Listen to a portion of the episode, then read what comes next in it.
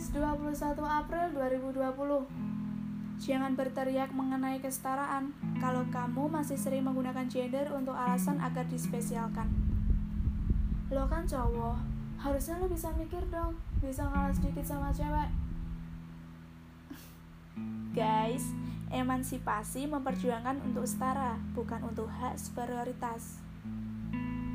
Gue cewek, bisa apa sih selain nunggu?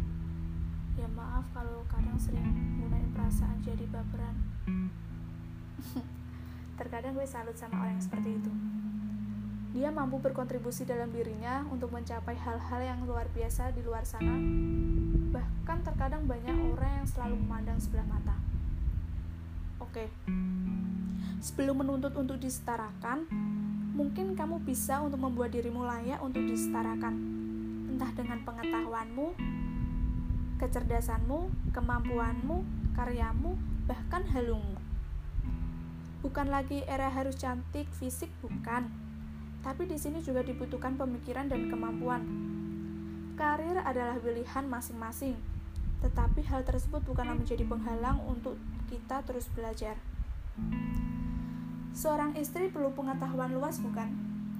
Ya karena bukan hanya kamu dijadikan partner seksual, melainkan kamu juga dijadikan partner diskusi dan saling bertukar pikiran. Ibu rumah tangga juga butuh kecerdasan agar bisa mendidik anak-anaknya kelak dan menghasilkan buah hati yang cerdas.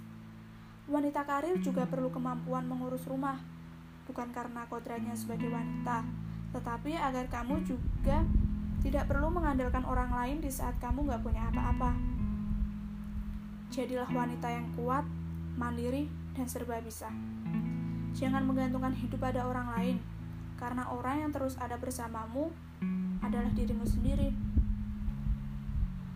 Terkadang menjadi setara juga dapat bermakna untuk berbuat sebagaimana kamu ingin orang lain berbuat ke kamu juga. Ya, seperti timbal balik. Ubah keinginan yang terkadang berpikiran seperti sisain satu cowok yang uh sisain dong satu cowok yang kayak gini sisain dong dan dia bla bla bla bla. Ubah jadi oke okay, aku akan jadi cewek yang uwu jadi harusnya kamu sendiri yang berprogres yang berubah. Karena kesetaraan juga bisa berawal dari kesadaran bahwa relationship atau hubungan itu dibangun oleh dua pihak yang harus saling produktif.